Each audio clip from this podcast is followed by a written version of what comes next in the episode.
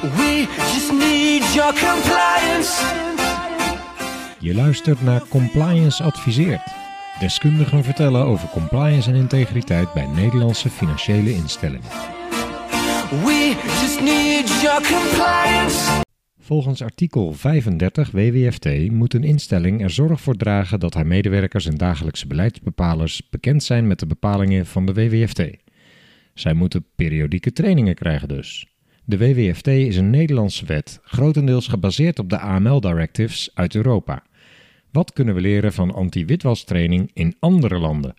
Nicole Voorhuis begon in 1989 haar carrière bij de Verenigde Naties, werkte ruim 22 jaar bij het OM, tussendoor drie jaar bij DNB en verzorgde daarnaast in tal van landen, waaronder ook exotische, trainingen op het vlak van bestrijding witwassen. Welkom Nicole, fijn dat je een bijdrage wilt leveren aan deze podcast. Dankjewel, Erik. Hoe ben je ooit voor een stage bij de VN terechtgekomen eigenlijk? Ja, dat is lang geleden hè, inmiddels. Ik eh, was al in Amerika, in Florida, op dat moment, eh, voor een eh, uitwisselingsprogramma in het kader van mijn studie rechten. En die had ik afgerond en toen was er net een Erasmus-programma gestart en toen kon ik een paar maanden naar Florida. En ehm, toen ben ik ook al reizend door Amerika in New York uh, langs geweest. En uh, ja, daar ook de Verenigde Naties bezocht als toerist, zullen maar zeggen. En daar raakte ik zo gefascineerd van die omgeving dat ik toen ik terugging naar Florida om daar ook, ook een stage te gaan lopen, een andere stage. direct eigenlijk in de pen ben gekropen, want zo ging dat nog in die tijd. Mm -hmm. um, en um, ja, ze benaderd heb of ik daar um, stage zou kunnen gaan lopen ook. En dat, uh, dat mocht ik. Moest ik wat referenties nog regelen vanuit Nederland. En uh, ja, eigenlijk drie maanden later uh, zat ik in New York. En heb wat ik daar. een belevenis. Ja, ja. Heb ik daar een hele mooie stage bij Political Affairs um, ja, gelopen. Een half ja, jaar ongeveer. Over? Ik heb toen een stuk geschreven over de, het verdrag van Antarctica, waar ze toen mee bezig waren. En daar waren ze over aan het discussiëren bij wie dat nou hoorde, bij welke landen. En of dat wel of niet daar uh, grondstoffen gedolven konden worden. En ik heb dat vanuit de milieu, ja, ik heb de milieuaspecten belicht van wat dat zou kunnen betekenen voor het milieu. En dat, ja, daar hadden ze toen behoefte aan. Het is heel lang geleden, dus ik weet het ook niet heel precies meer. Maar toen dat is in ieder geval wat ik heb gedaan. Belangrijk. Toen was milieu belangrijk en ik, ik, ik, hoop dat ze er wat mee hebben gedaan. Maar dat, de afloop daarvan heb ik niet meer gevolgd niet daarna. Gevolgd. Nee. Nee, nee, dat nee. duurt allemaal heel erg lang. Ja. Interessant, ja. Welke ervaring heeft dat je dan opgeleverd? Is dat een start geweest voor het verzorgen van internationale trainingen verder in je carrière of heeft dat helemaal niks ermee te maken? Dat denk ik wel. Ik denk dat het wel een hele duidelijke rode draad in mijn uh, carrière zit. Uh, dat is dan niet zozeer bewust gestart zo, maar uiteindelijk doe je toch altijd dingen, in ieder geval in mijn geval moet ik dat wel zeggen, die ik eigenlijk altijd van begin af aan heb gewild. En dat was in een uh, internationale omgeving werken en ja, maatschappelijk werk doen in de zin van iets doen ja, waar de wereld een beetje beter van wordt. Dat was, dat was voor mij heel belangrijk. En dat heb ik als officier gedaan en dat heb ik bij DNB gedaan. En dat doe ik nu bij de trainingen die ik nu verzorg ook. En de consultancy werkzaamheden die ik verricht ook. Hadden Ja. die werkzaamheden bij het OM dan voor jou ook een internationaal aspect of niet? Nou, het heeft natuurlijk altijd wel. eh, Het hangt een beetje van af wat voor zaak je doet. Als je met veel plegers eh, Amsterdam bezig bent, dan niet. Maar ehm, ik heb ook eh, grote witwasonderzoeken gedaan. En daarvoor moest ik een aantal keren naar China, om maar als voorbeeld te nemen. Een zaak eh, die ging over. Het was een Chinese witwaszaak. Althans, een witwaszaak waar familie, een Chinese familie in Amsterdam. ehm, nou, hele grote bedragen had witgewassen en in hotels eh, had eh, verzilverd. En ehm, nou, heel veel geld naar China had gesmokkeld. Voor dat soort zaken moet je dan vaak op dienstreis. Dus dan, dan heb je internationaal contact. En ik heb tijdens mijn, eigenlijk tijdens mijn werkzaamheden bij het OM, ben ik op enig moment, eh, toen ik met een ondergronds bankierenzaak, eh, zaken, ik heb een hele hoop zaken gedaan, bezig was, toen ben ik een keertje gevraagd, eh, ehm, ja, dat gaat dan via via, ehm, om een training te verzorgen in Servië ehm, voor douanepersoneel en ja, magistraten over ondergronds bankieren. Dat heb ik toen voor de Raad van Europa gedaan. Dat is echt eh, 15 jaar geleden of zo. En dat vond ik zo leuk. En toen dacht ik, nou, dit is nou precies hè, wat ik eigenlijk altijd heb gewild. Eh, kennis, elkaar, ja. de kennis die ik heb vergaard als officier, ehm, dat te gebruiken en dat dan op een internationale manier ja, in, inzetten. Dat is eigenlijk heel erg eh, groot geworden door de jaren heen. Ik ben het altijd blijven doen naast mijn werk in mijn vrije tijd Daar eigenlijk. gaan we straks meer over Ja. horen. De specialisaties bij bij het OM in die 22. We hebben het al over witwassen gehad. Is dat, was dat je specialisatie ook of is het veel breder? Nou, het, begin, het is heel breed begonnen. In die tijd deed je nog al heel snel grote zaken. Dat gaat nu heel anders. Eh, maar ik ben meteen eh, begonnen met, met, ja, met moordzaken. En, eh, maar ik heb ook veel plegersbeleid gedaan. Dus ik ben ook een paar jaar beleidsofficier geweest. En eigenlijk de laatste tien jaar van mijn tijd bij het OM heb ik op de afdeling zware criminaliteit gezeten bij het pakket Amsterdam. En daar, ehm, eh, ja, daar deed ik fraudezaken. Daar deed ik veel witwaszaken, ontnemingszaken, maar ook mensenhandel en liquidaties. Die, die, die kwamen er eh, af en toe ook eh, natuurlijk bij mij terecht, omdat er dan niet genoeg officieren waren om die hele grote zaken te doen. En soms dan deed ik dat soort zaken er ook bij. En ja, mensenhandelzaken, dat combineer je eigenlijk altijd met een witwasonderzoek en een ontnemingsonderzoek daarna om ehm, de mensenhandelaren het, het wederrechtelijk verkregen voordeel te ontnemen. Dus dat eh, het gaat vaak samen. Ja, Ja. dat had toch altijd vaak wel een witwasaspect Ja. dan ook. Ja. Heb je, we gaan het nu hebben over je internationale trainingen. Heb je een, eh, om te beginnen een leuke anekdote van een van je trainingen in een verland? Eh, nou, ik heb er heel veel, want het is een, eh, er gebeurt natuurlijk van alles. Ja, ik kom in heel veel bijzondere landen. Eh, overigens, de laatste twee jaar vanwege corona hebben ze ook de online trainingen uitgevonden. Dat was daarvoor nog niet. Nou, ehm, iets minder reizen nu. Ja, de laatste twee jaar zat ik vanuit mijn studeerkamertje te doen. Dat was wel minder leuk. ja. En af en toe ook best wel ingewikkeld. Ik heb ook wel eens meegemaakt dat er, dat er een dronken rechter in de, in de zaal zat. Dat was niet per se een leuke anekdote. Een leuke anekdote.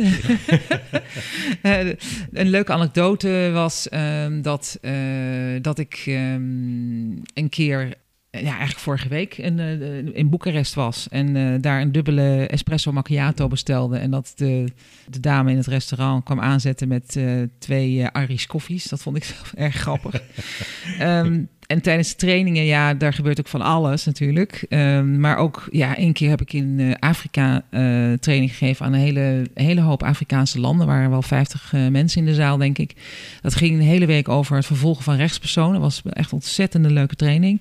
Hele leuke, enthousiaste mensen. Die kwamen ook allemaal zelf met casuïstiek. Was echt heel leuk. Ehm, en aan het einde van de dag gingen, ja, er waren, waren ook wat zwembaden. En, daar zaten we dan bij het zwembad. En ja, de, de Afrikaanse cursusgenoten, eh, die, eh, of de participanten, die, ja, die bleef gewoon aan de kant zitten. Ik was echt de enige die het water inging. En toen zei ik ook tegen ze van, goh, willen jullie niet zwemmen? Ja. Ze zei, ja, dat willen we wel, maar dat kunnen we niet. Ik zeg, maar dan verlengen we de training toch. En dan gaan we ook aan het einde van de dag, morgen na, de, Zwemles. gaan we zwemles eh, doen.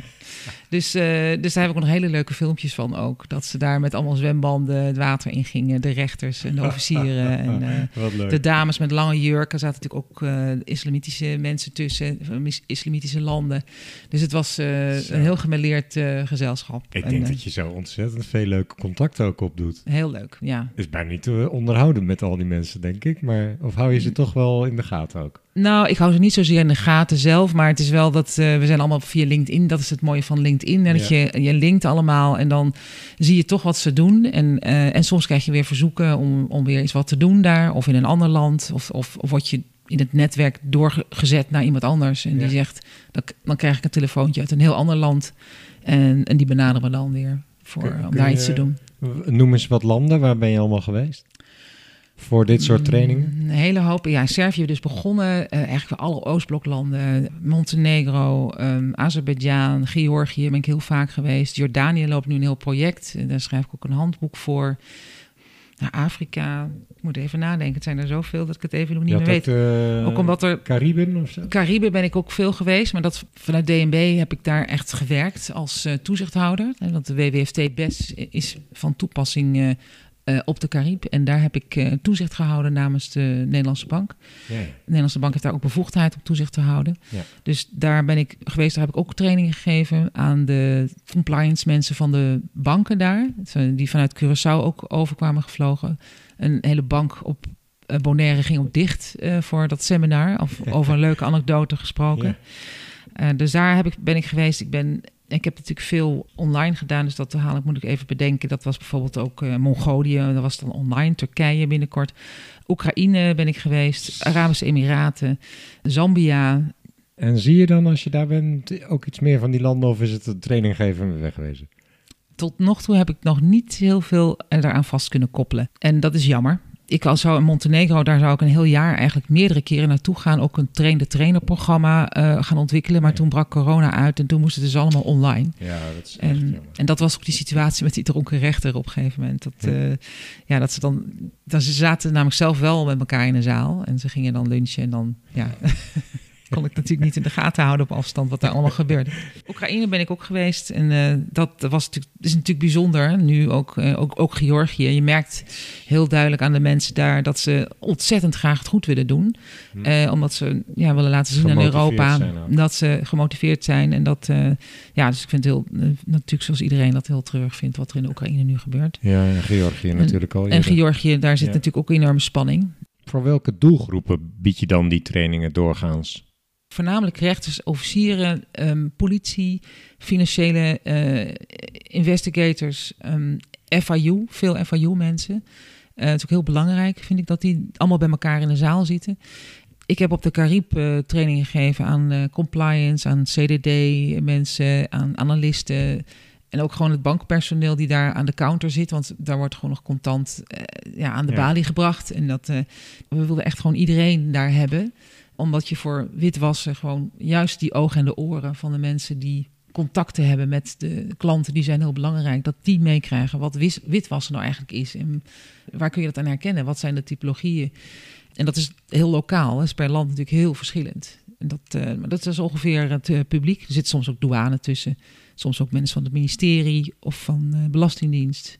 Dus Ja. het is heel breed. Laten we eens eens kijken naar die publieke partijen, die officieren, de opsporers en de rechters en dergelijke. Ehm, wat is jouw ervaring? Zit er veel verschil in de wijze waarop ze witwassen aanpakken in die landen en, en de kennis die er al aanwezig is? Ehm, nou, dat is eh, heel interessant. En ik heb inmiddels natuurlijk kan wel redelijk rechtsvergelijkend onderzoek doen, omdat ik zoveel landen inmiddels heb kunnen bekijken. En een eh, unieke positie. hebt. ja, en ik, ik bestudeer ook altijd de lokale wetgeving. Op dat vlak dan, hè, niet natuurlijk de hele wetgeving. Ja, de wetgeving, dat, je ziet al, daar al grote verschillen. Dat ze proberen heel erg de FATF-recommendations op te volgen. En houden heel letterlijk aan de FATF-teksten. En dat is soms niet altijd even praktisch. Ehm, als ik naar ons witwasartikel kijk in Nederland, hebben wij een heel mooi compact artikel. Waar je heel goed mee uit de voeten kunt als officier van justitie. Welk artikel? Het, het witwasartikel. Ja. Artikel 420 eh bis van het wetboek van ja. strafrecht. Ja, ja, ja. Goed dat je Ehm, die even noemt. dan. Ja, en daar hebben ook compliance-medewerkers mee te maken en analisten. Want die moeten ook heel goed weten wat houdt dat artikel nou precies in. Om, Mhm. om te kunnen zien van, oh, dat witwassen, dat, je bent eigenlijk al heel snel een witwasser in Nederland. Ja. Want dat is het dat waar ook de verschillende vormen van witwassen in uitgewerkt worden. hè? Ja, daar heb je opzetwitwassen, schuldwitwassen, gewoontewitwassen. Ehm dat zijn echt de drie eh, de, de vormen van witwassen in Nederland. Ja. En dat ehm, in het buitenland heb je vaak alleen maar opzetwitwassen. Ehm schuldwitwassen kennen ze vaak niet. Dat is heel jammer. Even voor alle duidelijkheid. Ja. Schuldwitwassen is dus dat je er wel van zou moeten weten, maar dat je niet zelf de witwasser bent. Kan in theorie eigenlijk wel, maar in principe is het een, iemand die redelijkerwijs had moeten vermoeden Ja. dat het voorwerp eh, wat hij bij zich heeft of overdraagt of eh, verhandelt of wat dan ook. Hè, al die verschillende acties die je ermee kunt uitvoeren, dat staat allemaal in dat artikel. Mhm. Ehm, dat hij redelijkerwijs moest vermoeden dat het voorwerp van misdrijf afkomstig is. Ja. En dat redelijkerwijze moeten vermoeden, dat is eh, heel erg ja, aan interpretatie onderhevig. Ja. En eh, in Nederland hebben we daar hele mooie jurisprudentie over. En daar is altijd, altijd discussie over in de rechtszaal natuurlijk. Daarom hebben we ook advocaten en officieren, anders dan valt er niks te doen in de rechtszaal. Ja. Daar gaan we over discussiëren. Ja. En eh opzetwitwassen is vaak veel moeilijker, want dan moet je echt bewijzen dat iemand de opzet had om iets te doen. En als je nou bijvoorbeeld kijkt naar de, de gangsterlover, de dame die eh, profiteert van de illegale inkomsten van haar man, maar die zegt ja, ik wist echt niet dat, dat zijn gelden van misdrijf afkomstig waren. Dan hou je dat tegenover aan bewijs van ja, maar god, u wist toch dat hij, eh, dat hij eigenlijk nooit naar werk ging en dat hij altijd thuis op de bank hing en eh, ja, en dat hij hele grote, eh, dure eh, auto's voor u kocht en juwelen. En eh, waar haalde hij dat dan vandaan? Ja. Ja, dat, dat weet ik eigenlijk ook niet. Nou, dat is redelijkerwijze moeten vermoeden. ja, precies. Ze, wi- ze wist niet precies hoe en wat, maar ze had wel vragen. Het was wel een situatie dat ze dat die vragen bij haar moeten, op- hadden, hadden moeten opwerpen. Ja. En door dat geen vragen te stellen en dan toch die voorwerpen in ontvangst te nemen, dan ben je aan het schuldwitwassen. En dat is dus wat niet veel in buitenlandse wetgeving Precies. staat. Nee, Nederland heeft een hele ja, heel veel vertrouwen ook. Hè? We hebben heel veel vertrouwen in de rechterlijke macht in Nederland. En dat maakt ook dat, dat we dit soort wetgeving ook in onze wet kunnen opnemen. Want de rechters die hebben echt wel, stellen daar ook hoge eisen aan. Je kunt niet zomaar elk onoplettend persoon veroordelen voor schuldwitwassen. Er moeten Nee. natuurlijk wel feiten en omstandigheden zijn die schreeuwen om het stellen van vragen. Ja, ja. Of het doen van nader onderzoek. In het buitenland vinden ze dat toch, toch wat eng. Want ja, dan, dan zou het nog wel eens kunnen zijn dat iemand te snel voor witwassen wordt veroordeeld. En we hebben natuurlijk nu, zeker nu we wat meer weten over hoe het gaat in Rusland en alle landen daaromheen. Als iemand het een bepaald persoon niet zint, dan zegt hij gewoon van hé. Hey, hij is aan het schuldwitwassen, geef maar tien jaar. Zo, zo gaat het daar. Dan, komt bij wijze van spreken geen rechter aan te pas. Dus die zijn heel erg angstig voor het invoeren van dat soort artikelen. Hm. Dus dat maakt dat het witwassen in dat soort landen eh, ja, moeilijk ook te vervolgen is. En dat sommige landen, terwijl ze zich hebben aangesloten bij allerlei internationale verdragen, eigenlijk nauwelijks tot geen witwasveroordelingen hebben. Want de FATF zegt ook wel iets hierover. Ja. Vindt FATF dat gewoon te, of nee, schuldwitwassen wel ook in de wet opgenomen zou moeten zijn? Staat er niet zo expliciet. Ze vinden wel dat het knowingly, eh, knowingly, dat is dan, ja, is dat opzet? Eh, is, ja, hoe moet je dat zien? Hè? Dat, Ja, dat, wetens- dat lijkt me ja. toch meer wetenschap. Ja. En je hebt in Nederland dan ook nog het voorwaardelijke opzet. Dat, dat is opzet. Dat is niet schuldwitwassen, dat is opzet. Mhm. En dat het voorwaardelijke opzet, dat staat niet apart in de, in de wetgeving, maar dat is ook een, een interpretatie van het woord opzet.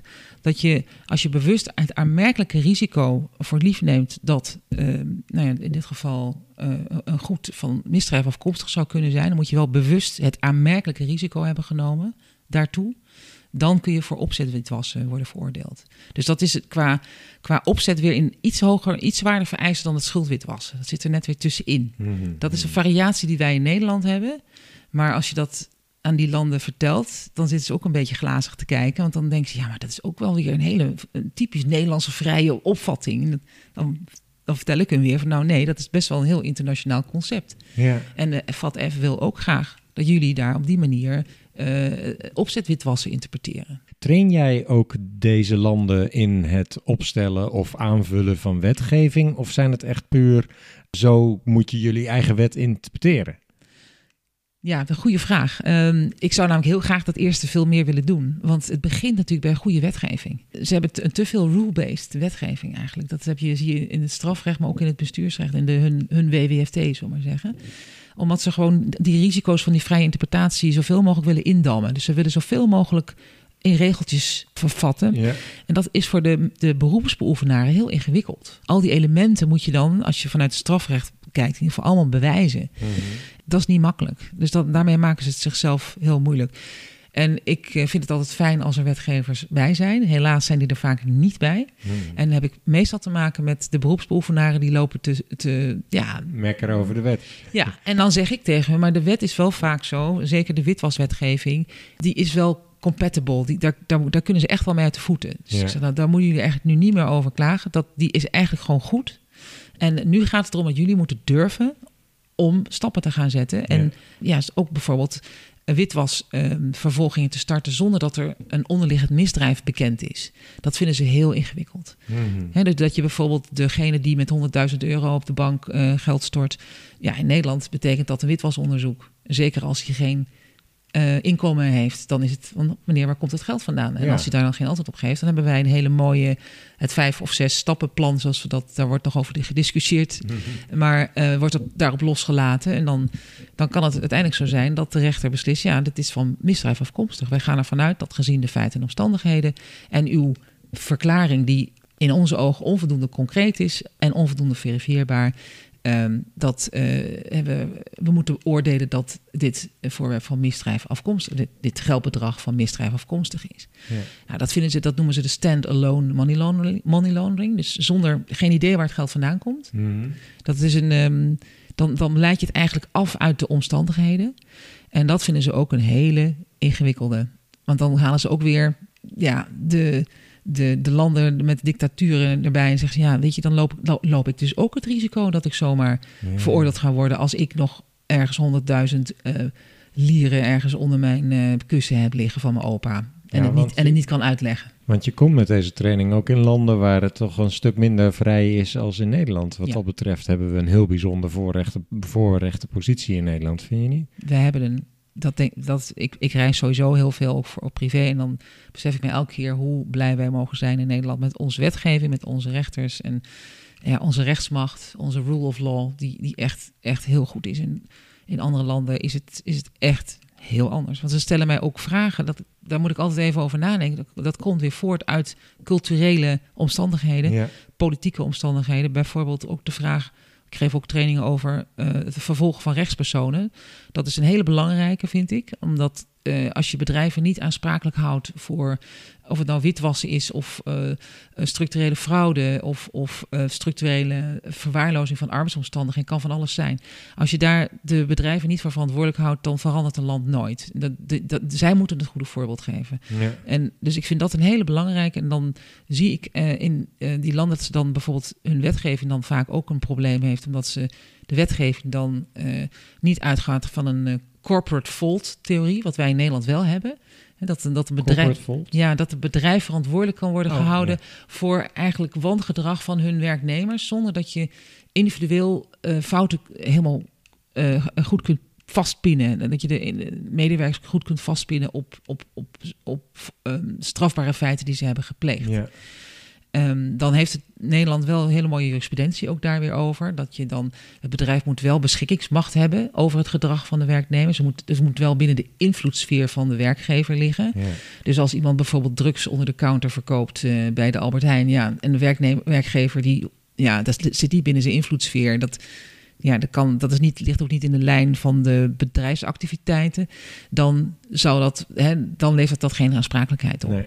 Maar op het moment dat een werkgever toestaat eh, dat er bijvoorbeeld een apparaat wordt gebruikt wat niet voldoet aan de vereisten en denkt van ja, dat is eigenlijk wel goedkoop, we doen er nog even een jaartje en vervolgens explodeert de boel, ja, dan, dan is de, omdat het niet vakkundig is gebruikt of niet door vakkundige mensen, of, eh, dan komt het wel binnen de invloedssfeer te liggen. En als dan ook het andere criterium, namelijk dat het bedrijf het heeft geaccepteerd en aanvaard, dat risico, dat is nodig om het bedrijf eh, verantwoordelijk te stellen. Duidelijk, Er moet, moet beschikkingsmacht zijn en er moet acceptatie zijn, aanvaarding, het aanvaardingscriterium. Ja. ja.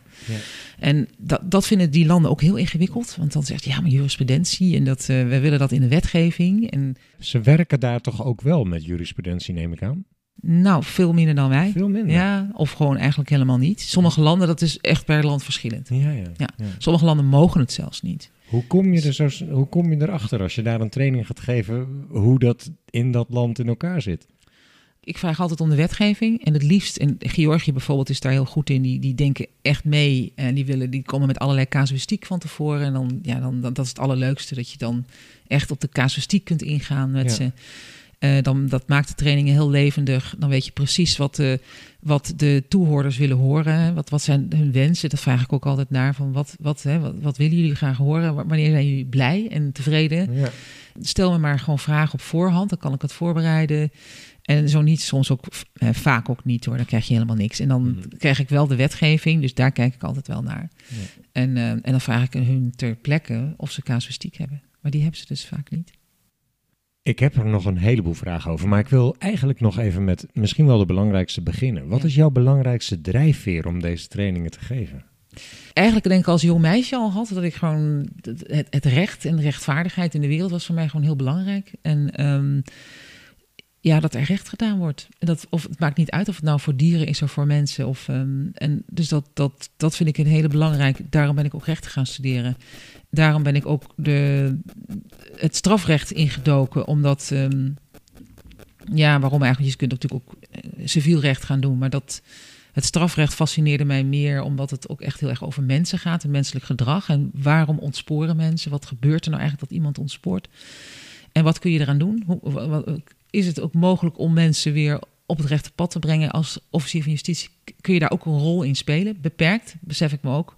Maar je kunt er wel een rol in spelen. Nou kan ik me voorstellen dat een rechtvaardig rechtssysteem heel erg bijdraagt aan een rechtvaardige samenleving Ja. en rechten voor iedereen. En heb je door het kijken in de keuken bij allerlei andere landen een ander idee gekregen over wat normaal is qua rechtsgevoel? Want ik zou me nog ook nog kunnen voorstellen dat wij zijn gewend aan onze manier van kijken naar wat rechtvaardig is. Maar heb je wel eens een inzicht gehad? hey, dat hoeft niet per se zo te zijn. Dat is toch ook cultureel bepaald? Ja, nou ja, dus dat zijn die voorbeelden die ik gaf over die landen met dictaturen.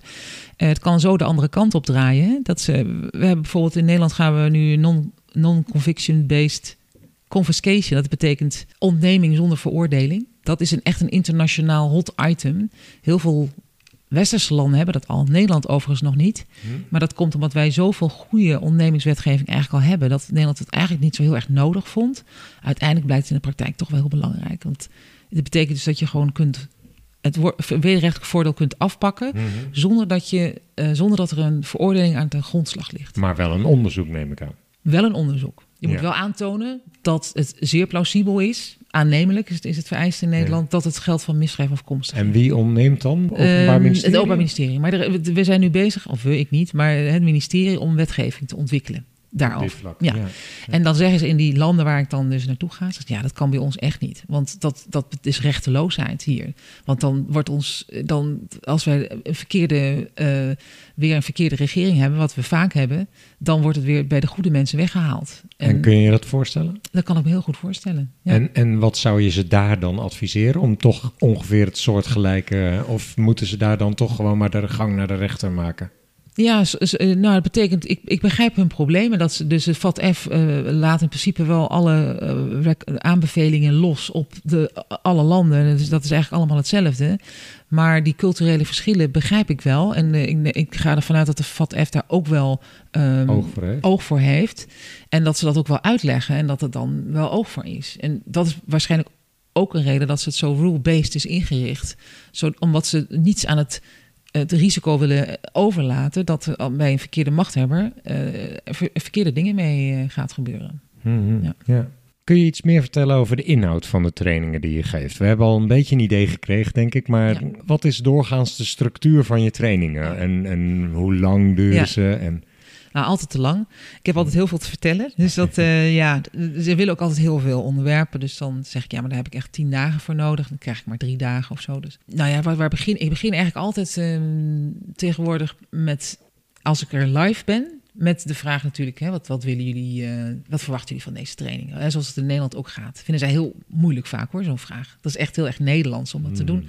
En, eh, en die landen kijken zich dan vaak glazig aan. Mm. Ja, dat van, weet eh, jij toch? maar Jij, moet toch, gaat toch, ja, jij gaat toch zeggen wat we gaan doen vandaag? Ja, ja, ja. Maar dat, dan probeer ik ze ook wel uit te leggen. Ja, ik kan wel van alles gaan vertellen, maar misschien weten jullie dat allemaal al. Dat is zonde van de tijd. Laten we, Ja. hè. Dus dat probeer ik Dat is met online. ook wel een leuk cultureel verschil. Ja, ja, ja. ja, ja. En online training is dat wat moeilijker, want dat kost veel tijd. En dan, moet je, dan zit je tegen een zwijgende hè, eh, online menigte te- eh, aan te kijken. Dus dat, dat is wat ingewikkelder. Eh, dan, daar begin ik eigenlijk meteen. En dan vert- vertel ik natuurlijk de inhoud van het programma. Dan begin ik vaak met, met wetgeving. Sorry, nee, met verdragen. Ehm, want dat verdragen lijken best saai, maar die zijn heel belangrijk. Want daar staat eigenlijk gewoon in hoe wij onze wetten moeten interpreteren. En wat voor soort verdragen moet ik denken dan? Ja, dan moet ik. Dat zijn de. Zijn dat eh, verdragen onderling tussen landen? Of Dat zijn allemaal witwasverdragen. De Un- UNTOC Oké. en de UNCAC en de... Ja, de zullen we het in de show notes opnemen? Eh, Dan ja. hebben we nog even om het ja, precies. En de Laten Nederlandse namen. En dan heb je natuurlijk ook de, de EU-directives. Die zijn natuurlijk ook heel belangrijk. Daar zijn natuurlijk Jordanië, Mongolië en zo niet bij aangesloten. Maar ik, ik noem ze altijd wel. Ik zeg van, jullie kunnen er wel heel veel informatie uithalen. Omdat er ook heel veel toelichting bij zit. Ja, want deze landen kijken daar toch wel naar, denk ik. Ja, ja, als ze de capaciteit hebben, dat is natuurlijk vaak het probleem. Dat ze te weinig mensen hebben, mens, mankracht. Vaak zit er maar één persoon op witwassen, bij wijze van spreken. En die moet het allemaal doen. Dus, ehm, Als je zegt één persoon, bedoel je een officier van justitie? nou ja, maar dat, Ja. dat is nu een beetje gechargeerd. Dat, dat, Mm. dat gaat eigenlijk wel steeds beter. Want ik doe het nu al best wel lang dit. En ik zie natuurlijk ook wel ontwikkelingen. Dat, dat ze veel meer inzien dat ze er wat aan moeten doen. Dat ze er ook zelf ook wel echt wel graag wat aan willen doen. Ja. Nou, ja, dat, dat merk je ook aan de vragen die ze stellen. Het verdere programma is dan dus inderdaad de, de verdragen. Daar begin ik over. Dan, dan zeg ik altijd dat het heel belangrijk is dat rechters en officieren, lokaal, die verdragen kennen. Want dan kunnen ze ook veel beter de ratio van hun wetgeving begrijpen. Mhm. Dan lezen ze van, oh, maar daarom staat er dat en dat in mijn wet. Want dat is om die en die reden. Dus dan, want anders is een wet, maar is heel droog natuurlijk. Hè? Er staat een, eh, een voorwerp overdragen of omzetten of ehm, eh, voorhanden hebben. Of ehm, nou, ja, er staan van allerlei eh, gedragingen die je kunt verrichten met een voorwerp. En die tot witwassen kunnen leiden. Maar ja, dan, als, als je dat zo leest, denk je, ja, wat, wat is dat precies dan? Wat is overdragen? Wat is. eh, hè? Dus dat, dat, die uitleg staat erin. Dus dat is interessant voor hun. En dat spreek je dan ook door in die training? Ja, dat spreek ik daar- dan door. Ja. Precies. Ja. En dan vervolgens kijk ik altijd naar wat de FATF eh, zegt. Want deze landen zijn bijna altijd hebben ze natuurlijk slechte evaluaties. Dan hebben ze de Mutual Evaluation Rapport, de MER. Die kun je gewoon op internet ook vinden van Ja. die landen. Mhm. En die zijn heel erg instructief. Dan kan ik vinden van wat, hoe zit het eh, op het gebied van ehm, de WWFT, eh, de naleving van de WWFT. En hoe zit het op het gebied van de naleving van het wetboek van strafrecht. En dat gaat over witwassen, omneming. Eigenlijk al mijn onderwerpen zitten in, dat, in het FTF assessment. Is dat misschien ook het hoofddoel van de training die ze jou dan vragen om te verzorgen? Dat ze gaan voldoen aan de FATF-aanbevelingen? Ja, dat is niet mijn, per se mijn doel, hè, maar het is wel hun doel. Dus Hun ik, doel ik, ik, help daarbij. Ja. En, en wie nodigt jou nou precies uit dan? Zijn dat die officieren van justitie zelf of rechterlijke macht? Of is het meer de overheid die zegt, ja, we willen aan die FATF-doelstellingen voldoen? Dat, zijn dat, is, dat, zijn, dat is altijd heel doorzichtig. Ondoorzichtig, sorry. Heel ondoorzichtig, eh, Oké. dit soort dingen. Ik, ik, en ik, ik vind het echt zonde van mijn tijd om daar altijd maar naar te gaan vragen. Ik, ik doe gewoon mijn werk en mij wordt gevraagd om een, een, training te verzorgen. Nou ja, je, ik, hebt ik met stel iemand contact daarover Ja, zeker. en je krijgt door Ja. iemand betaald. Dus ja, je, dat- precies. Maar daar zitten dan vaak weer eh, allerlei gelden achter van allerlei instanties. Dat is de. Raad van Europa, dat zijn de, is de Europese Commissie, maar dat kan ook Amerika zijn. eh, allerlei belanghebbenden. En dat, dat kan echt. Maar dat zijn allemaal publieke organisaties. De Wereldbank, IMF. Er zit heel veel achter. Ehm, vaak willen die landen, sommige van die landen willen, zoals Montenegro als voorbeeld, die wil heel graag lid worden van de EU. Dus die, eh, die hebben in het kader van, de- omdat ze kandidaat zijn, moeten dus aan allerlei voorwaarden voldoen. Mhm. Dat is ook de hoofdmoot van mijn trainingen geweest de afgelopen tien jaar. En nu komen er dus veel exotischer landen bij. Eh, die ehm, vanwege die FATF-evaluaties die negatief zijn. En dat willen ze niet, want dat geeft hun een, een, een, een kruisje achter hun naam op het wereldtoneel. Ja, Of het nou- ik- economie is, het, eh, Is dat heel slecht. Ja. Dus daar willen ze vanaf. Ze willen van die zwarte lijst af. Ze, dat sowieso natuurlijk. Maar ze willen van de grijze lijst af. En ze willen naar de witte lijst. Het is en niet dat, altijd per se een intrinsieke motivatie, of zie ik dat verkeerd? Ehm, dit, dat, ja, dat is eh, een, interessante. Ehm, ik heb wel eens meegemaakt eh, in bepaalde landen, ik zal ze niet met naam noemen, dat, dat, dat, eh, dat je merkt dat de mensen daar veel minder vragen stellen en veel minder. Je merkt gewoon of mensen interessant, geïnteresseerd zijn door vragen te stellen, doordat ze notities maken, doordat ze vragen van, goh, mogen we de PowerPoint-presentatie? Of heb je dat, eh, mag ik de, de bron eh, daarvan? Of dat soort dingen. Dan weet je, oké, die gaan er echt wat mee doen. Maar als dat soort vragen niet komen, dan, en dan zijn sommige landen, en dat hangt ook heel weer erg weer van de cultuur van het land af, ehm, die hebben dat een stuk minder. En di- een van die landen ga ik binnenkort weer naartoe. Daar ben ik zes jaar geleden geweest, twee keer. En ik ben heel benieuwd, dat is Azerbeidzjan. Ik ben heel benieuwd hoe ze nu eh, zijn. Erin zitten, of het anders gaat zijn. Ja. Ja. ja. En of ze misschien ook al vorderingen hebben gemaakt na de Ja. vorige trainingen. Ja. Ja. Ja, want wordt er wel eens geëvalueerd ook? eh, gekeken naar... Ja. Ja? Ja, nou ja, ik kreeg, ik kreeg natuurlijk wel feedback. Ik heb wel eens gezegd van stuur mij die formulieren. Maar dat, dat, zit, dat is weer ook weer best wel Nederlands om dat te doen. Ehm, hè, de, eh, de- Ja. Al die, die infoformulieren Ja. naar de hand. En dat, eh, dat hebben ze daar... Ik heb het nog nooit meegemaakt dat ze dat ter plekke doen. Ze sturen naar de hand iets op. Ehm, en ja, dan krijg je feedback. En, eh, maar die is altijd in heel algemene zin. En dan, dan zeggen de opdrachtgevers altijd van ze waren heel blij met je training. Dus dat is eigenlijk, eh ja, dat is hartstikke goed gedaan. En dan eh, denk ik, nou oké, dat zal dan. En, Ja. en Ja. één keer heb ik van de mensen, de Verenigde Arabische Emiraten, dat was een hele leuke training, was een online training. En eh, daar, eh, daar heb ik het van teruggekregen dat ze nog nooit zo'n goede training hadden gehad. En dat is dan toch leuk dat het een online training is, die toch altijd minder zijn. Ja. En dan ook van een groep mensen die, waar ik nog nooit eerder was geweest. Het ging over een heel specifiek onderwerp. En ja, dat is dan heel erg leuk om dan eh, zo'n feedback te krijgen. Nou, als ik nu lees dat veel van die Russische oligarchen daar dan toch weer terecht Ja, dat is kunnen. jammer, Dat is dan weer jammer. Ja. maar dat is misschien Ja. toch ook niet helemaal hetzelfde als witwasbestrijding. Nou, zeker wel. Want die oligarchen brengen natuurlijk geld mee. Waar, ja, wat is de herkomst van dat geld? Ja. En eh, dat is natuurlijk allemaal potentieel witwasgeld. ja. Ja. Nou, ik hoop dat ze ze daar dan nog eens goed aan gaan pakken eh, ook. Ja, Ja. ja, ja. ja. Ehm, zijn er nou ook landen waarvan je zegt, goh, daar pakken ze het eigenlijk beter dan aan dan hier? Je stelt goede vragen. Want die, eh, dat, ik, ik moet eerlijk zeggen, tot nog toe, in veel landen waar ik ben geweest, zijn natuurlijk landen die echt behoefte hebben aan, aan hulp. En omdat het niet lekker gaat. En omdat Ja. er geen veroordelingen Ja. zijn, omdat Ja. er geen Jij ziet natuurlijk zijn. niet elk land. Ja. En, en, eh, ik ga binnenkort ook naar een Europe- Oost-Europees land om daar compliance mensen te trainen van eh, financiële instellingen. Ook omdat ze onvoldoende weten hoe ze hun wetgeving moeten interpreteren. Ehm, en daar ook een tik op de vingers hebben gekregen van de FATF. Ehm, dus dat, dat, dat blijft eh, heel ingewikkeld. Ik ben nu even de vraag kwijt. Nou, of er landen zijn waar je vindt, daar doen ze het eigenlijk beter dan in Nederland. Of ze hebben iets ontdekt wat we in Nederland ook wel zouden kunnen gebruiken. Dan, zo mag je Ja. de vraag ook interpreteren. Ja, ik denk het enige tot nog toe. En voor de rest vind ik Nederland echt een voorbeeldfunctie hebben. En dat is ook niet, denk ik, ook wel een reden waarom ik word gevraagd vaak. Omdat ze weten van, oh, die komt uit Nederland. Die weten veel. Die hebben veel ervaring op gebied van heel veel onderdelen van, van de witwas, nou ja, wetgeving. Mhm. Bij mij komt dan nog het voordeel dat ik ook toezichthouder ben geweest. Dus ik kan ook vanuit die invalshoek ehm, mijn trainingen verzorgen. Ja.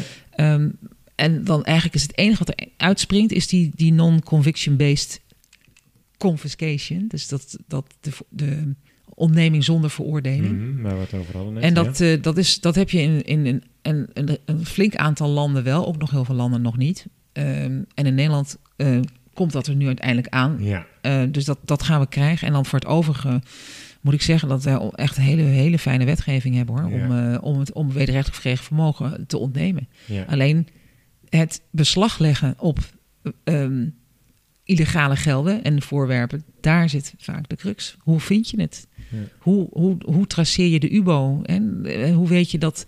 Want, want ze gebruiken natuurlijk allerlei katvangersconstructies, waardoor je niet meer weet van wie het is. En dan moet je gaan bewijzen dat het van die crimineel is waar je van vermoedt dat het van misdrijf afkomstig is. En dat is vaak best moeilijk. Dat is nu bij die oligarchen ook moeilijk. Heb je in dit soort landen, net als Nederland, een toezichthouder zoals DNB? In welke landen? Nou, de landen die je noemde, Ja. zoals Azerbeidzjan en... Die heb je overal. Ja. Maar die train je niet. Die, nou, tot nog toe heb ik daar nog niet, omdat ik zo inmiddels, ja, ik heb nog niets aan werving ge- gedaan eigenlijk sinds ik ben gestopt bij DNB. Zijn eigenlijk alle eh, opdrachten binnengekomen vanuit eh, naar, eh, verschillende opdrachtgevers Ehm, uit ook weer verschillende landen, eh, Duitsland, Frankrijk, die, die vragen mij hiervoor. Dus Ja. het zijn ook weer allemaal buitenlandse opdrachtgevers. Ehm, en dat, dat blijft nog tot nog toe heel erg voor die eerste doelgroep die ik noemde. De. FIU, rechters, politie, eh, officier van justitie. Ehm, soms zitten daar ook toezichthouders bij. Ik ga nu ook trainingen geven voor financiële instellingen. Ehm, dat heb ik gedaan op de Cariben. Dat ga ik nu ook doen voor Oost-Europese landen. Binnenkort gaat daar de eerste voor zijn in Bulgarije. Dus dat, eh, dat is weer een nieuw veld en dat vind ik wel weer heel leuk. Want Ja. daar kan ik natuurlijk mijn ervaring vanuit ja, mijn witwaservaring eh, weer meegeven, maar Ja. ook mijn toezichtservaring. Nou, Dus ik kan eh, me voorstellen dat dat toch een hele andere invalshoek is. Ik kan me voorstellen dat je bij de eerste doelgroep die je noemde vooral kijkt hoe kun je het nou het beste opsporen en hoe kan je het veroordeeld krijgen door een rechter. Dat zal de insteek zijn, schat ik. Als je een financiële instelling tegenover je hebt, ja, die zijn veel meer bezig met hoe kan ik zelf voorkomen dat ik opgespoord word door die groep die je net al op getraind hebt. Nou, dat, dat zie ik kijk anders tegenaan. Want de, de- financiële instellingen zijn, dat zijn eh, compliance mensen die er komen en eh, analisten en zo verder. Hopelijk komt ook de, de bankdirecteuren komen die ook. Want die zijn natuurlijk zo niet, hè, net zo of nog belangrijker, dat die eh, ook allerlei maatregelen en policies treffen om de mensen in staat te stellen om hun, hun eigen WWFT goed eh, na te leven Zeker. uiteindelijk zijn er heel veel overeenkomsten eh, toch ook wel weer. Want je zegt van het is heel anders, maar eigenlijk ook weer in zekere zin niet. Want ehm, de witwastypologieën, dat is eigenlijk een heel belangrijk onderdeel van mijn trainingen. Daar praat ik ook hè, voor mijn huidige doelgroep eh, veel over. Maar ook ehm, als ik het heb, als ik bij de financiële instellingen zit. Want ehm, de, de analisten en de CDD, eh, die moeten ook typologieën herkennen. Die moeten in hun monitoringssystemen de typologieën verwerken. Hè, de, de indicatoren voor witwassen. Ja, ja. En die indicatoren die worden ook gebruikt door de politie bij de opsporing. Het zijn precies dezelfde indicatoren. Daar komt het uiteindelijk heel mooi samen. Ja, ja dat En- kan ik me voorstellen. Die kunnen eh, financiële instellingen weer als red flags in hun monitoringssysteem En gebruiken. uiteindelijk komen die die typologieën komen vaak ook weer van die financiële instellingen. Want die, en de, de verzamelt ze. Die ziet ze in onderzoeken. Die, die haalt ze uit eh, theoretische verhandelingen, uit wetenschappelijke stukken, buitenlandse onderzoeken eh, en zo verder. Maar dat komt weer van, ja, uit de markt, zullen maar zeggen. Dus dat komt van daders, dat komt van financiële instellingen die zeggen van hé, hey, we zien nu deze trend. Ja. En we hebben het idee dat dit mogelijk op witwassen duidt. Daar zijn natuurlijk ook, is ook allerlei overleg over tussen DNB en financiële instellingen. Zodat ze elkaar alsmaar blijven beïnvloeden van... hé, hey, ik zie nieuwe typologieën. Dat wordt dan weer op de lijst opgenomen door de FIU. Vervolgens kan dat weer gebruikt worden door andere financiële instellingen... bij hun monitoringssystemen. Heb jij zicht op hoe de samenwerking tussen publieke en private partijen in Nederland is vergeleken met de publiek-private samenwerking in andere landen? Ja, ook daar lopen wij weer heel erg voor. Ja. En natuurlijk loopt dat allemaal nog niet perfect. En, maar de, de, ik heb zelf ook in het VEC uh, gezeten, in het Financieel Economisch Centrum, heb ik uh, als beleidsfunctie gedaan met DNB. Mm -hmm. En gezien hoeveel wij uh, in ieder geval willen. Dat het dan nog niet allemaal perfect is en nog niet allemaal lukt, oké. Okay. De bereidheid. Maar de bereidheid is er. Er wordt met elkaar gesproken. Er is ook een tripartite overleg, dus het OM en DNB en de FIOT. Uh, die praten over zaken die, hè, van moeten, moeten we daar een strafrechtelijke oplossing voor vinden. Hè? Als er bijvoorbeeld uh, overtredingen zijn van de WWFT, moeten we de strafrechtelijke invalshoek pakken. Of moeten we de bestuurlijke invalshoek pakken? Gaan we beginnen met een aanwijzing of met een dwangsom? Dat wordt gewoon overlegd. Dat wordt overlegd. Ja. We mogen maar één weg bewandelen ja. in de sancties. We mogen niet uh, een strafrechtelijke boete opleggen en een bestuursrechtelijke. Er moet gewoon één weg worden gekozen. Dat hebben ze in die landen ook wel. Maar overleg, ik heb bij ons is dat ook wettelijk vastgelegd dat we overleg moeten hebben. Dat kennen ze allemaal nog niet. Dat is waar ik ook zeker heel veel aandacht voor ga vragen in mijn trainingen. Als ik uh, voor die financiële instellingen echt aan de slag ga. En voor het ministerie, uh, voor ministeries daar, dat je daar wetgeving over moet hebben. Want anders gaan ze niet met elkaar aan tafel. Dat, dat nee. vinden ze echt, echt heel ingewikkeld. Geven de cursisten ook informatie aan jou terug waar, waar je mee verder kan? In de zin van casuïstiek of... Ja, nou, uh, anders dan in Nederland. Nederlanders zijn ontzettende vragers. Hè. Ze zijn heel actief in. Uh, ik heb in Nederland ook voor het uh, Compliance Instituut cursussen gegeven. Oh ja. En um, nou ja, ook, ik, ik, weet niet meer, maar voor andere instituten. En dan merk je gewoon dat Nederlanders heel actief zijn. Heel veel, dat de cursusleider echt zijn best moet doen om, om het materiaal af te krijgen. Ja. Um, dat is daar veel minder in die landen, zijn ze niet gewend. Um, dus je moet ze echt uitnodigen. Ja. Anders is dat bij Afrikaanse landen. Die zijn heel actief. Oh. En, uh, en zo actief dat we daar in die vijf dagen dat ik daar was, één dag hebben ingericht om uh, hun, hun eigen casuïstiek te laten presenteren. Dus dat hebben ze een hele dag zijn ze daarmee bezig geweest. En hebben ze, heb ik ze ook gevraagd, dat ging over rechtspersonen. Gewoon probeer nou eens een zaak te verzinnen waar je moeite hebt met een rechtspersoon te vervolgen of strafbaar te houden voor gedragingen van werknemers. En dan gaan we kijken van waar zit nou Hè, hoe, het springende punt, precies. Ja. Dat, oh, dat, ja. Uh, ja, daar zou je zo ook een hele podcast aan kunnen wijden, denk ik. Ja, dat, we dan dat is een ontzettend interessant onderwerp. En ook weer voor compliance weer belangrijk. Want ook, hè, er zitten ook verwijzingen in de Algemene Wet Bestuursrecht... Uh, naar uh, artikel 51 van het Wetboek van Strafrecht... waarin rechtspersonen aansprakelijk worden gesteld. Hmm. Hè, of de, waar, het, waar in het artikel staat uh, hoe rechtspersonen strafrechtelijk verantwoordelijk kunnen worden gehouden. Ja. Maar daar wordt naar verwezen, en dat is dus van overeenkomstige toepassing in de Algemene Wet Bestuursrecht. Dus ook leidinggevenden en op, uh, opdrachtgevers binnen financiële instellingen kunnen verantwoordelijk worden gehouden. Voor overtredingen van de WWFT. Ja, in Nederland, ja. Ja, en daar wordt, wordt dan dat artikel 51 strafrecht... wordt dan eigenlijk gebruikt als, als juridisch instrumentarium. Om dus dat te kunnen, uh, voor elkaar te kunnen krijgen ja, bij een rechter. Precies. En, en is dat ook vergelijkbaar met wat er in het buitenland gebeurt? Natuurlijke personen, liggen die daar snel onder vuur of juist uh, wordt het... Ik denk dat het voor hun uh, is het ook, ja, ook daar weer heel moeilijk om uh, bedrijven. Um, uh, ja, het is eerder de bedrijven dan de natuurlijke personen. Ja, ja want dat vinden ze. Vervolgen. Omdat ze die corporate fault-theorie niet kennen. Ja, dat, dat, ja. dat, dat, dat algemeen. Dat, dat, dat werknemers fouten kunnen maken en dat daar het bedrijf voor verantwoordelijk kan worden gesteld. dat vinden zij heel ingewikkeld. Zij willen individueel een werk, ze, ze willen een individuele fout vaststellen, een individuele aansprakelijkheid. En dan gaan ze kijken, oké, is deze persoon heel belangrijk in de organisatie? Is het de manager? Heeft hij decision-making powers? Kijken ze dan eigenlijk een beetje naar.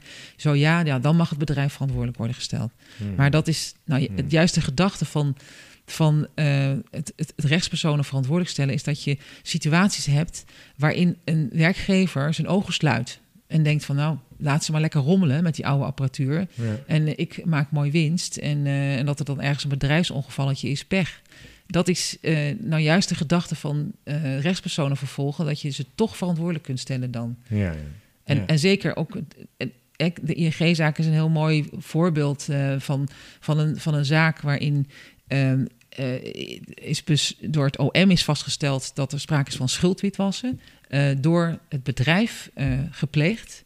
Ehm, dat impliceert dat, de, dat er door werknemers fouten zijn gemaakt, maar en dat die fouten allemaal bij elkaar genomen eh, het, het delict eh, schuldwitwassen oplevert. En daar is in die zaak ING voor, voor verantwoordelijk gehouden.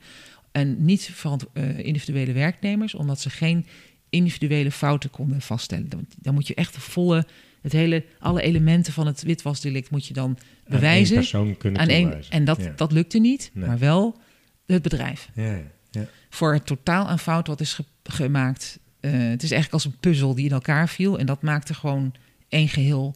En dat was het bedrijf die daarvoor verantwoordelijk is. Ja, En nu zijn ze dus nog aan het kijken naar de, op, hè, naar de CEO eh, eh, Hamers, of daar ook hè, eh, verantwoordelijkheid, strafrechtelijke verantwoordelijkheid eh, zou Ja, moeten worden Op dit vastgesteld. moment eh, bij de opname is daar verder nog niet echt Nee, volgens mij bekend. niet, maar dat is, daar zijn we natuurlijk allemaal in geïnteresseerd eh, hoe dat eh, balletje verder gaat rollen. Wanneer is een training in jouw ogen geslaagd? Ehm, nou ja, als ik vooral als ik, eh, wat ik had al verteld, ik heb heel veel stof. Dus ik, eh, ik kan alle kanten op met mijn, met, mijn, met mijn materiaal. En vooral als het inspeelt op de wensen van, het, van de, de toehoorders. Dat ik het gevoel heb dat ze er iets hè, van opgepikt hebben. En de, de, ja, hoe, hoe krijg je dat terug? Door wat ik al aangaf, dat ze vragen stellen. Ja, En, eh, en dat ze eh, actief meedoen. En dat ze niet op de klok kijken, bij wijze van spreken. maar krijg je wel eens een berichtje... Kijk eens, ik heb uh, naar aanleiding van de training nu deze persoon uh, vervolgd gekregen... en dat is een geslaagde traject Ja, geweest. dat zou heel mooi wezen. Dat, dat is, dat is dat ook weer cultuurgebonden. Ja, Dat, dat, dat zullen ze niet zo snel doen. Want ze Nee. vinden ook heel snel dat iets privacygevoelig is. Hè? In die landen ook heel snel mag ik niet delen. Ze willen vaak ook geen casuïstiek delen. Dan zeg ik, maak er gewoon x en y van. Verander dus een casus een Ja. beetje. ja. vinden ze heel ingewikkeld. oké. Ja. Heeft dat wordt- ook te maken met een, niet alleen privacy... maar gewoon angst eh, om iemand in een kwaad daglicht te zetten? Die nee, dat, is echt eh, bang voor hun eigen positie, toch? Ja, ja, Ja. ja, ja. ja, ja. Ja, en die belangen zijn natuurlijk toch eh, Lastiger zeg, dan lastig, hier. niet zo transparant als hier. Nee. Nee. En wat leer je nou in je werk, waar je ons uitgebreid over verteld hebt, wat je zou willen delen met compliance professionals? Of misschien heb je nog wel een vraag aan compliance professionals of een verzoek in Nederland. Ehm, verzoek, daar zou ik over moeten nadenken. Maar kijk, wat ik wel kan delen met ze is dat ik, ehm, ehm, dat ik ook, ook in die witwastraining, die, of in witwas, ja, ik noem het witwastrainingen, maar het was eigenlijk WWFT-trainingen die ik gaf eh, op de Carib, is dat eh, eh, ehm, vraag door en gebruik je gezonde verstand. Je kunt heel erg naar de wet kijken, en, eh, maar neem niet, neem niet genoegen met een half antwoord. Van, Ehm, een, van een verdachte klant. eh, ja. Of ongebru bij ongebruikelijke bij ongebruikelijke situaties. situaties. Ja, En ehm, je eigen voelsprieten. Die, die, witwas is, is natuurlijk in Nederland echt een heel breed begrip. Hè. Ik heb al gezegd schuldwitwas. We hebben voorwaardelijke opzet. We hebben heel veel. Dus je bent heel snel een witwasser hier in Nederland. En eh, daar kun je als, als eh, professional, co- compliance professional... eh, je voordeel mee doen. Door als je heel goed weet wat dat, wanneer er sprake kan zijn van witwassen, dat die grens dus heel laag is. Dat we ook in Nederland, anders overigens dan alle andere landen, eh, van ongebruikelijke transacties eh, spreken. Dus al heel snel is een transactie, moet die gemeld worden. In andere landen moet het verdacht zijn. Dus wordt een financiële instelling geacht om ook nog die transactie te onderzoeken Ja. en, Ja. en zelf verdacht te verklaren. Dus Wat die, vind de- je daarvan, van dat systeem? Kijk, ik, ik begrijp eh, heel goed dat dat voor de FIU prettig is. Die krijgen dan veel minder meldingen binnen. hè, want het onderzoek moet door de financiële instelling zelf gedaan worden. Maar als je zo'n goede FIU hebt als in Nederland, met zo'n enorm goed systeem van eh, data-analyse, het, het, het aanbrengen van verbanden, het erbij trekken van politieinformatie. Zij kunnen op basis van de informatie van ongebruikelijke transacties in Nederland, dus dat is een heel, hele grote bak, Heel veel groter. Ja. dan alleen maar verdachte transacties, kunnen zij alles bij elkaar brengen. En dan worden die ongebruikelijke transacties opeens verdacht. Ja. Terwijl een financiële instelling, die heeft alleen maar zijn eigen transacties. Ja, ja. Dus die, die, die kan, die heeft, en die moet dan zelf daar ja, politiemensen op gaan zetten of zo. Dat- is, eh, hè? Wat grappig dat je vanuit jouw internationale perspectief dit waardeert, terwijl ik ook best wel veel kritiek in Nederland op de FIU lees. En Ja. dus daar zit toch wel, als je het ver- vergelijkt met andere landen, hebben we het misschien hier nog niet eens zo slecht geregeld. Nee, maar dat is het gras is natuurlijk altijd groener bij de buurman. En, Ja. en de buurman, we weten vaak niet eh, wat voor gas dat is bij de buurman. Want het- we, we denken dat, maar we, we onderzoeken het niet. En ik zie natuurlijk zelf wel door al die bezoeken die ik overal breng. En ook omdat ik er ook wel echt heel nieuwsgierig naar ben. Ik ben ook nieuwsgierig, ook toen ik bij DNB werkte, van dat er waren ook belangrijke vragen. Werken jullie met, met eh, suspicious transactions hè, of met eh, unusual transactions? Hele ja, belangrijke. Ja, dat, eh, dat is een belangrijk verschil ook. Ja. En dan zeiden wij altijd vanuit DNB van ja, het is wel de best wetgeving. En als er dan een moeder op zit die uit Canada of uit een ander land komt en die zegt ja, maar wij hebben de verdachte transacties in onze wetgeving staan. Zegt ja, dat is helaas pindakaas. Je want doet wel hier zaken nu. je doet hier zaken, dus je Ja. moet je aan onze wetgeving houden. Ja, Ja. ja. Ja, ja, En de compliance functie in Nederland ligt vast in de WFT. Zie je nou ook in andere landen dat dat ook zo is? Of is dat anders? Misschien heb je daar geen zicht op hoor, vanuit de trainingen die jij geeft. Ehm, nou, dat, die, dat, dat zicht ga ik ontwikkelen, hè, want ik. ehm, dat zicht ga ik ontwikkelen, want ik, ehm, eh, ja, ik ga dus nu met de, de Bulgarije aan de slag. Ehm, ik eh, ga ervan uit dat die landen dat allemaal wel in hun wetgeving vast hebben liggen.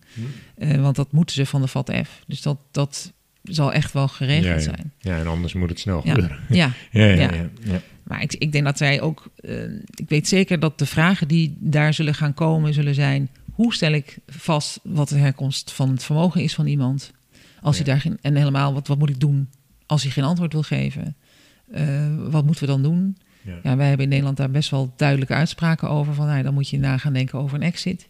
En, eh, of onder voorwaarden, of beperkt, beperkte dienstaanbod. Ehm, dus dat soort vragen zullen er zeker gaan komen. En ja, transactiemonitoring is natuurlijk ook een heel, hele belangrijke. En ehm, dat, ehm, ja, daar kun je ook hele trainingen over geven. Van eh, hoe je dat kunt doen en waar het minimaal aan moet voldoen. Ja, zolang ze nog niet eens typologie op een rijtje hebben staan eh, in dat soort landen, Mhm. dan, hebben ze, dan weten die banken ook niet wat voor indicatoren ze, hè, wat voor red flags ze moeten invoeren in hun systemen. Dus de, de, de, een goede FIU is heel belangrijk. ja. Toch? Ja, wat, Ja. We, wat we ook willen zeggen van de FIU, hè, is heel belangrijk. ja absoluut. Ja. Nou, ehm, ik vond het een heel verhelderend gesprek. Ten slotte zou ik graag willen vragen, in de toekomst, welke landen of onderwerpen zou jij nog eigenlijk op je wensenlijstje hopen dat je voor gevraagd gaat worden? Mhm. Nou, ik, word, eh, ik kreeg toevallig net weer een verzoek binnen vlak voordat we dit interview begonnen. En dat, dat er zijn allemaal Arabische landen. Ik zit al in een paar Arabische landen, dus dat worden er nog meer. Ehm, het is niet per se dat dat nou een wens is, want ze kijken toch. Je bent natuurlijk toch vrouw, hè? Het zijn vaak alleen maar mannen in zo'n zaal.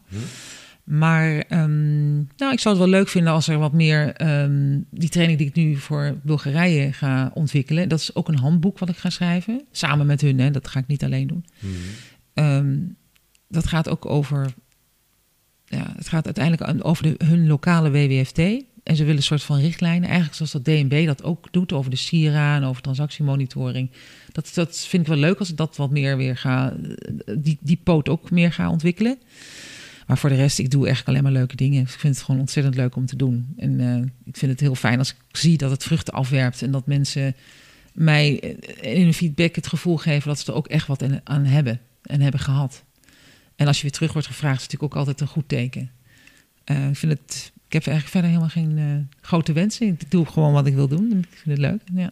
Hartelijk dank voor je verhaal. Was echt heel leuk om te horen. Dank je wel. Dank je wel voor eh, mij, om mij hier uit te nodigen. Dat is ontzettend leuk om te doen ook. Ja. Compliance. We just need your compliance. Je luistert naar Compliance Adviseert. Deskundigen vertellen over compliance en integriteit bij Nederlandse financiële instellingen. We just need your compliance.